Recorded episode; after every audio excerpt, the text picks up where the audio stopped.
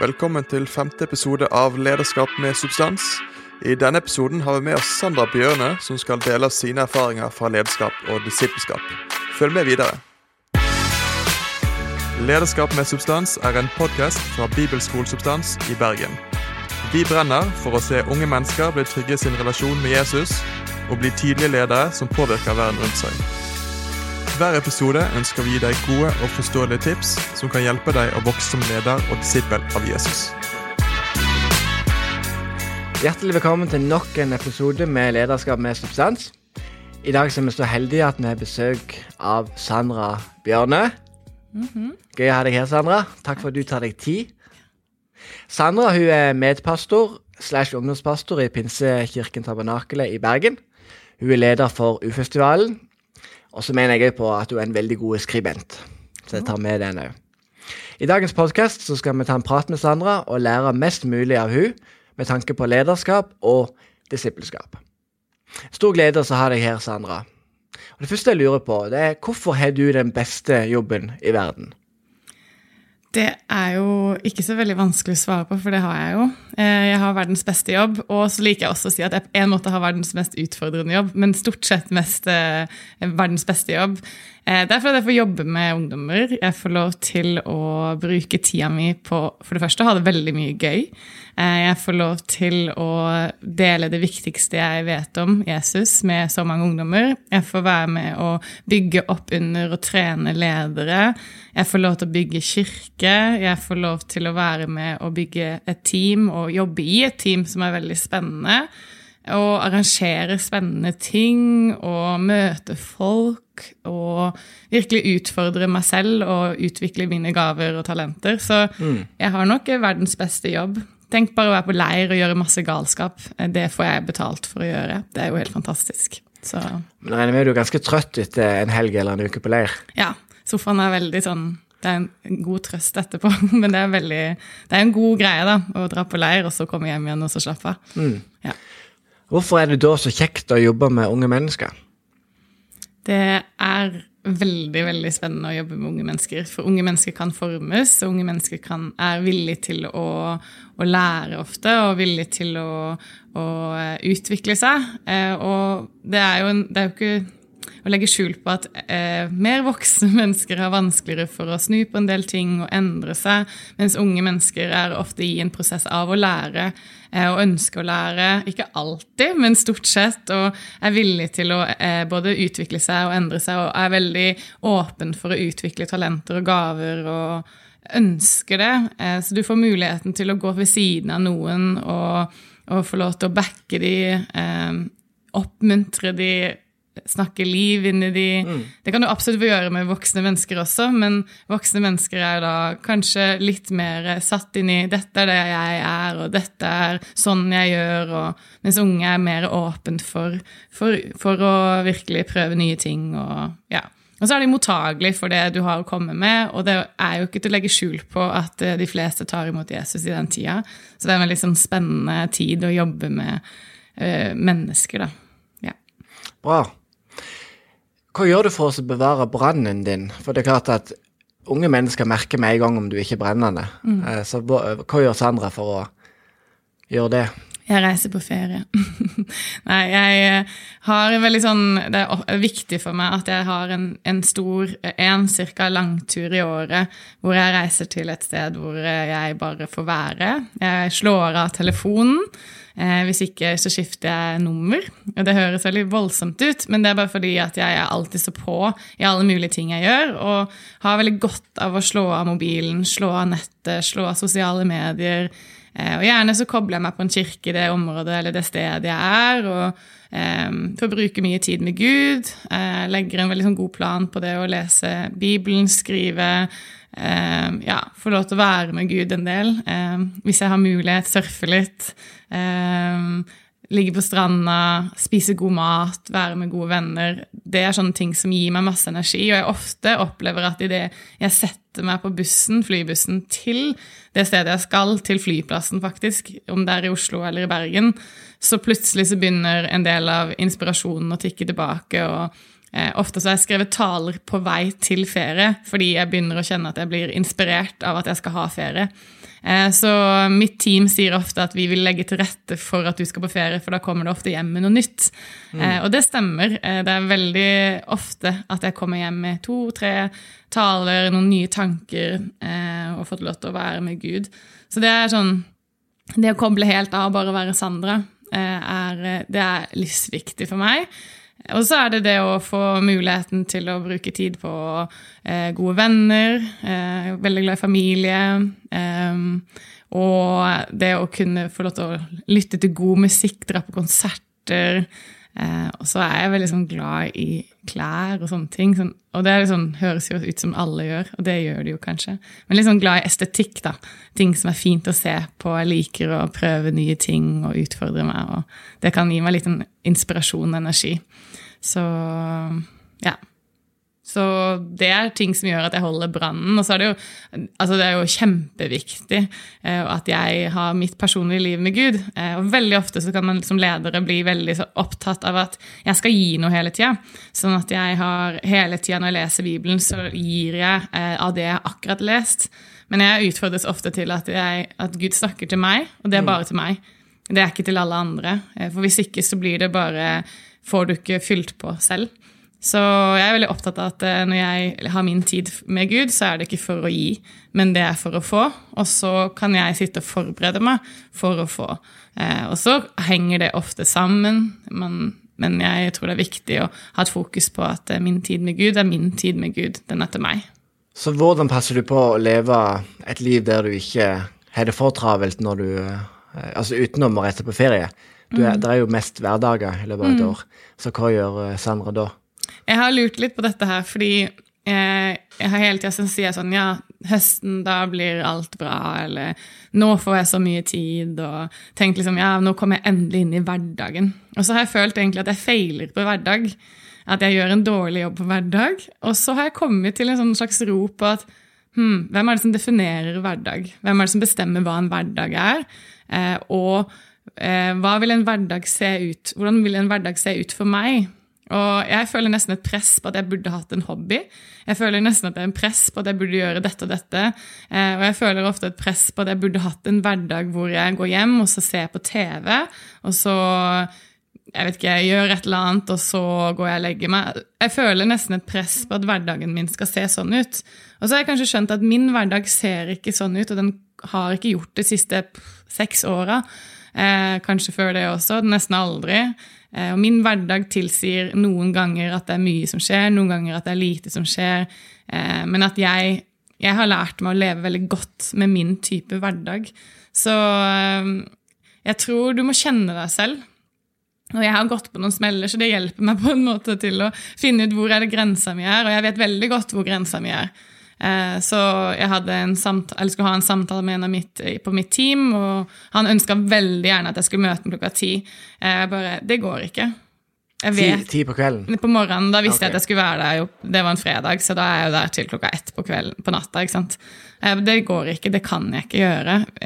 Hvis ikke det er krise for deg, så kan jeg ikke gjøre det. For det er krise for meg å ikke få lov til å sove ut, få tid med Gud, spise godt og bare være litt. Det gjør at jeg er hyggeligere, og det gjør at jeg kan faktisk møte deg. Så jeg er veldig sånn, jeg er bevisst på mine fridager, jeg er bevisst på min tid. Men uh, min hverdag ser nok ikke ut sånn som alle andre sin. Syns du det er blitt enklere, når du er, altså enklere nå når du er over 30 enn når du var 20, og så sier nei, og så bestemmer hva som er viktig? Nei, jeg syns ikke det. Fordi det er, eh, for å være ærlig, så er det flere og flere som vil ha noe av det, og du føler jo på en måte at de er viktige. Så det å si nei til folk Hvem, eh, hvem skal jeg prioritere, da? Jeg har et team i kirka. Og så har jeg da U-festivalen, som er ganske mange. Og så jobber jeg en del litt med led og en del andre ting som, som er på en måte viktig, men U-festivalen og kirka er kanskje de to tingene som, som, krever mye. Her er det veldig mye frivillighet. Eh, og frivillige gjør jo en jobb for deg, så hvis du ikke har de, så, så må du gjøre jobben. Sånn at man er jo hele tida på tilbudssida til de. Eh, så jeg syns ikke det er lettere å si nei nå enn jeg syns det var før, men jeg har bedre samvittighet for å si nei. Mm. Så, men jeg syns faktisk det er vanskeligere, men når jeg har sagt nei, så jeg ikke, går jeg ikke rundt og føler meg dårlig. Eh, stort sett. Eh, men jeg kan synes det er veldig vanskelig helt til jeg sier nei, eller hvem jeg skal prioritere.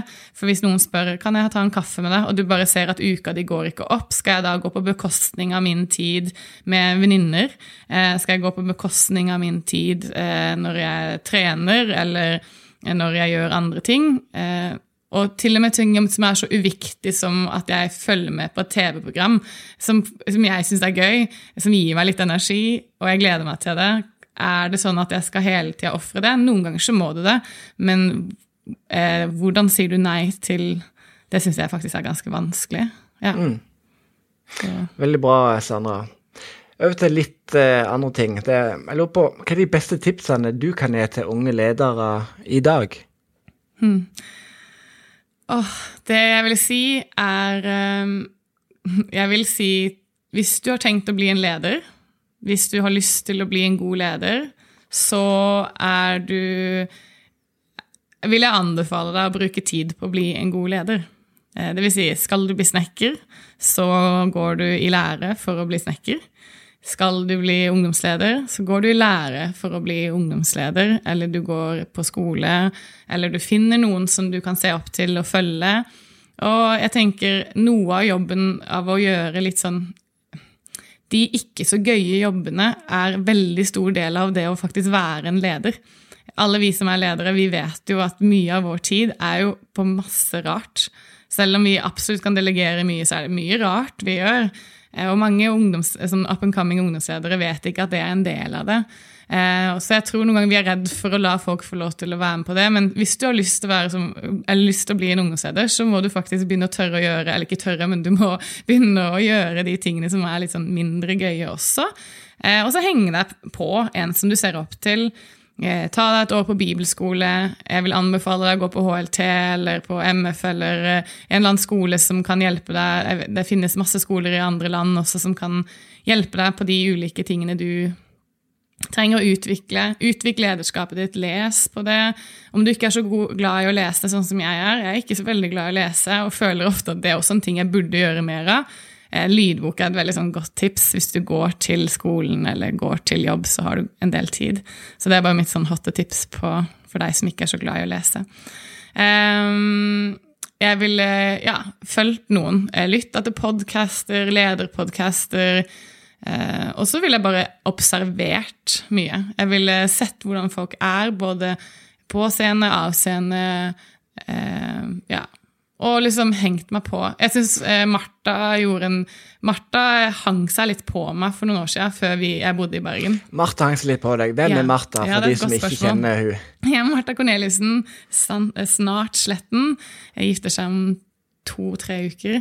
Um, hun uh, er en av mine ledere. Hun er ansatt i en 30 %-stilling i ungdomsarbeidet og i kirka. Uh, og hun var med i U-festivalen, så det er sånn jeg ble kjent med henne.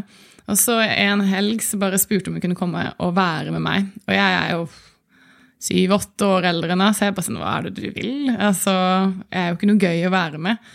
Men jeg tror bare altså Jeg bare sånn, jeg har et veldig kjedelig liv. så jeg følte bare sånn Å, du er så ung og har lyst til å oppleve ting, mens jeg har bare lyst til å ligge på en sofa og spise godteri. Eh, det var det jeg hadde lyst til den helga. Mm. Men eh, så kom jeg og var med, det var en kjempefin helg, og jeg bare syntes det var så modig gjort da. Eh, fordi det krever faktisk litt mot. Fly et sted, være med noen som du ikke kjenner kjempegodt. Men faktisk liksom si er det mulig for meg å plassere meg selv i ditt liv? Eh, og det syns jeg er så kult. Det vet jeg ikke om jeg har gjort sjøl engang. Eh, så Martha virkelig har liksom gått etter å bli en god leder, og hun blir bare bedre og bedre og bedre. Hun er en fantastisk leder. Ja. Jeg kan bekrefte det. Martha mm. er ekstremt dyktig. Ja, shout-out til Martha.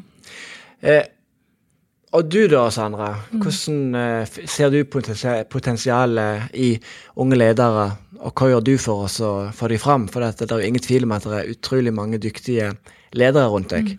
Og det tror ikke jeg er en tilfeldighet. Mm. Jeg bruker å si Jeg er ikke så veldig Jeg sånn Jeg bruker å tulle med at jeg er en god nummer 52 på det meste.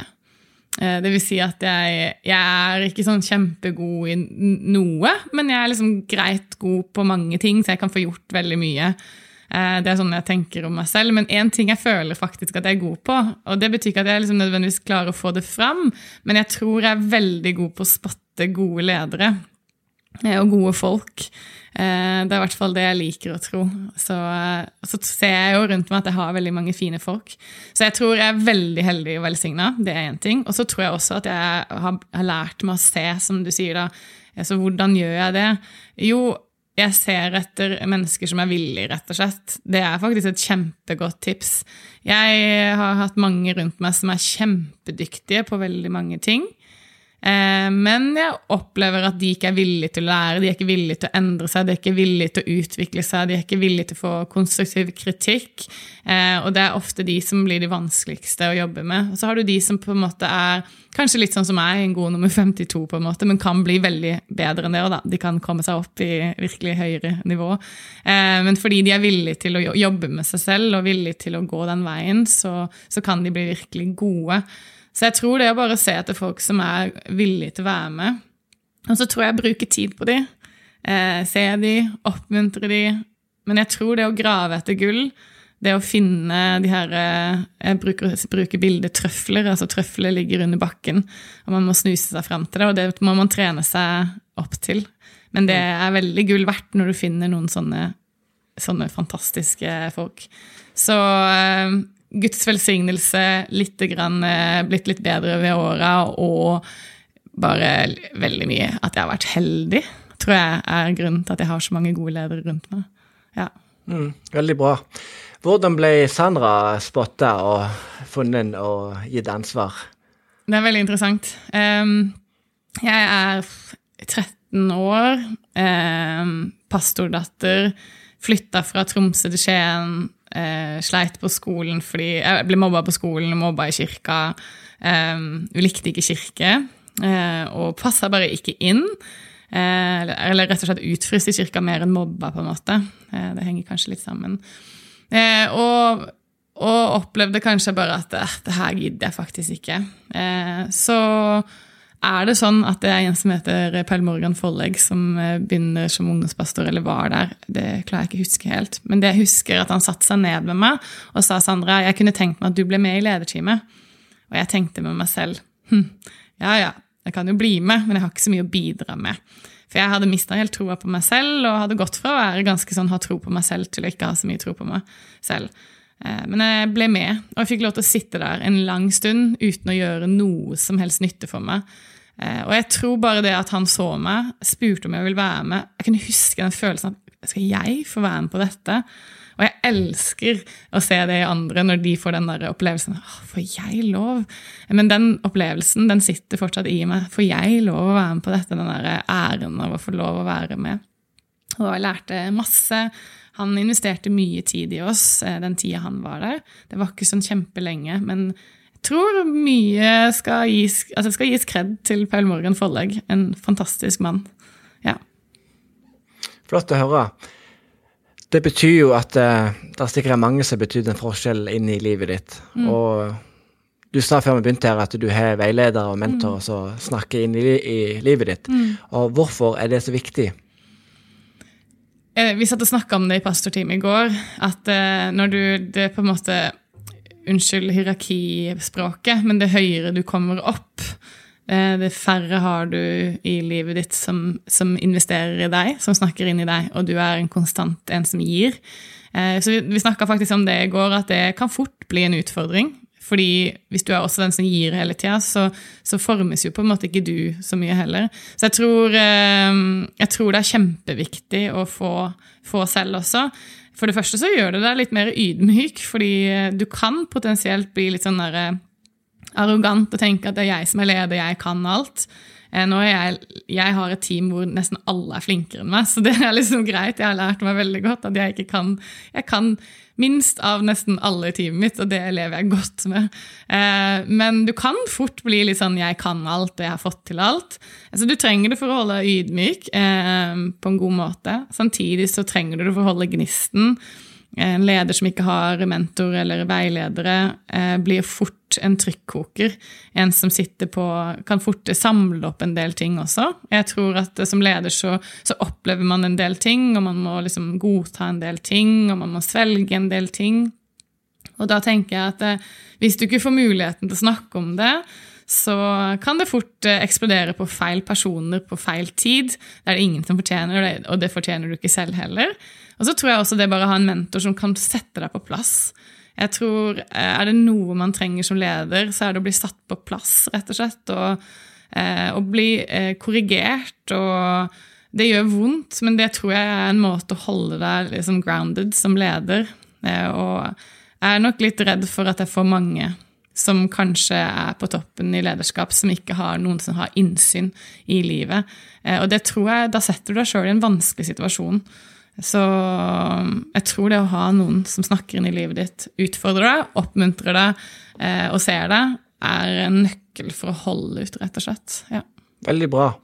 Hvis du er ung og bærer på et kall til å bli pastor, menighetsplanter og leder i en menighet, hva vil du anbefale han eller hun å gjøre for mm. å komme inn i det kallet? Snakk med noen. Eh, eller først be. Bruk tid med Gud. Ta og Skriv ting ned når du får noen ord eller tanker. Eh, så ber du, og så snakker du med noen. Eh, og så eh, bruker du tid på å utvikle gavene dine. Hvis du kjenner på at du skal forkynne, begynn å skrive taler. Ikke vent til du blir spurt om å holde en tale.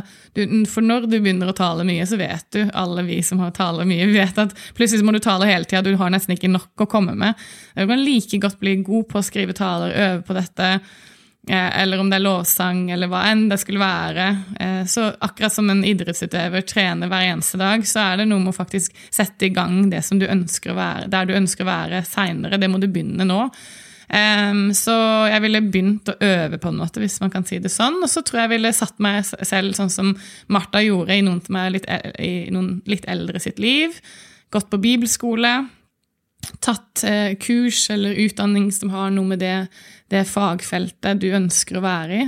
Ønsker å bli god snekker, så blir, går du til noen som er gode snekkere. Ønsker å bli pastor, så bør du ta en utdannelse. Vi har verdens viktigste jobb. Vi får møte mennesker akkurat der de er. Og det er nesten latterlig at vi ikke utvikler vårt eh, felt, fordi vi har så mye ansvar i våre hender. Vi har mennesker liv, og ikke bare en sånn vi har ikke bare livet deres, vi har på en måte, liksom, ikke, selv om vi ikke har hovedansvaret for evigheten til mennesker, så kan vi være med å prege og gjøre noe sånn at mennesker altså, kan bli, møte Jesus. Så vi har jo en kjempeviktig jobb, selv om vi skal slappe av og ikke legge det på våre skuldre. Så har vi fortsatt fått et ansvar og et mandat av Gud. Eh, så jeg tenker det å utvikle gavene sine og få hjelp til hvordan ha gode samtaler eh, Ja, teologi osv., osv. Det tenker jeg bare er en nøkkel. Da. Ikke vent med å gjøre det. Begynn nå. Ja. Du nevnte bibelskole. Hvorfor ja. er det så viktig å gå på bibelskole om du skal bli pastor eller ikke? Du er jo sjøl gått. Ja, jeg har gått mange år. jeg tuller med at jeg har en master i bibelskole. Det har jeg på en måte ikke. På en måte så har jeg jo det òg. Um, men uh, jeg vil si bibelskole Få fram noe av det beste og det verste i det. Uh, og det er et drivhus. Så eh, noe av det viktigste du gjør, er faktisk å gå på en bibelskole.